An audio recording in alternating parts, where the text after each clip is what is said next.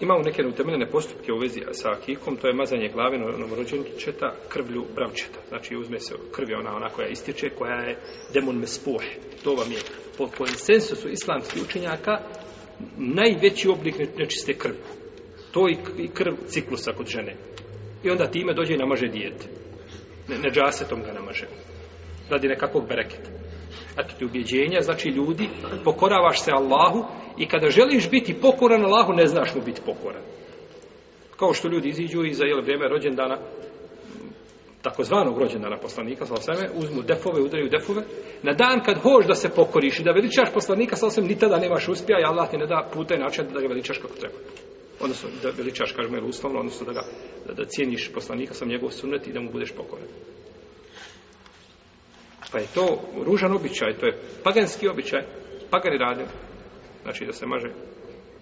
Isto tako zakopavanje kostio akike, da čovjek ide posebno, znači traži mjesto, da to zakopa i tako dalje, to je, znači, nema svoje osnove.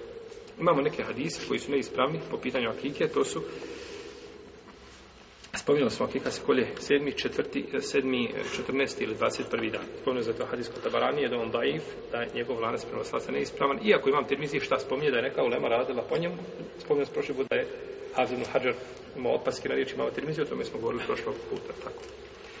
Dalje, akušerki ili babici treba pokloniti nogu akike, plečku. Jel, plečku je trebaš pokloniti, to je daiv, hadijs daiv umjesto haluka je krva kike. Umjesto mirisa stavljaš krv, znači djete namažeš krvlje od kike. To je umjesto mi da namirišeš djete. Isto hadis koji je daif. Ništavan, batel. Imate hadis, jedite meso od kike, nahranite druge i ne lomite njene kosti, a daif isto. A navodi se daiša izjavila sunnete da se kosti akike ne lome. To je hadis kojim dokazuju učenjaci koji kažu šta?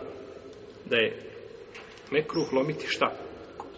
Kosti akika da je zabranjeno. Ovo je došla Ajša radijallahu ta'ala kaže sunnet je. A ashab kada kaže sunnet je nešto po većini islama, učenjaka islamske, islamske jurisprudencije ili, ili sulfika, oni kažu da se to odnosi na sunnet poslanika sa osanom. Većina njih kaže misli se na sunnet. Ali ovo nije znači potvrđeno poslanika sallallahu alaihi wa sallam.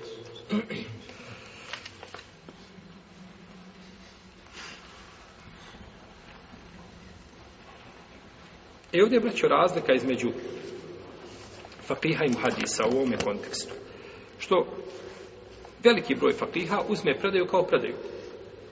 Znači, ni, ne gleda, ne posvećuje toliko upažnost njenoj autentičnosti kao ko muhadis. Nego predaja ima i našto ako nije oko, oko predaje niko govorio da je predaja lažna, da je apokrifna, znači u dosta slučajeva se te takve predaje koriste kao argumenti. I tu dolazi onda do izražaja uzimanja onoga što je potvrđeno, potvrđeno jelog poslanika, slavno čija autentičnost je potvrđena, a nikako znači samo uzimanje pukih predaja, jer to znači često zna ovaj, eh, ovaj, eh, potvrditi propis koji u stvari nije potvrđen jeli, jeli sunnetom.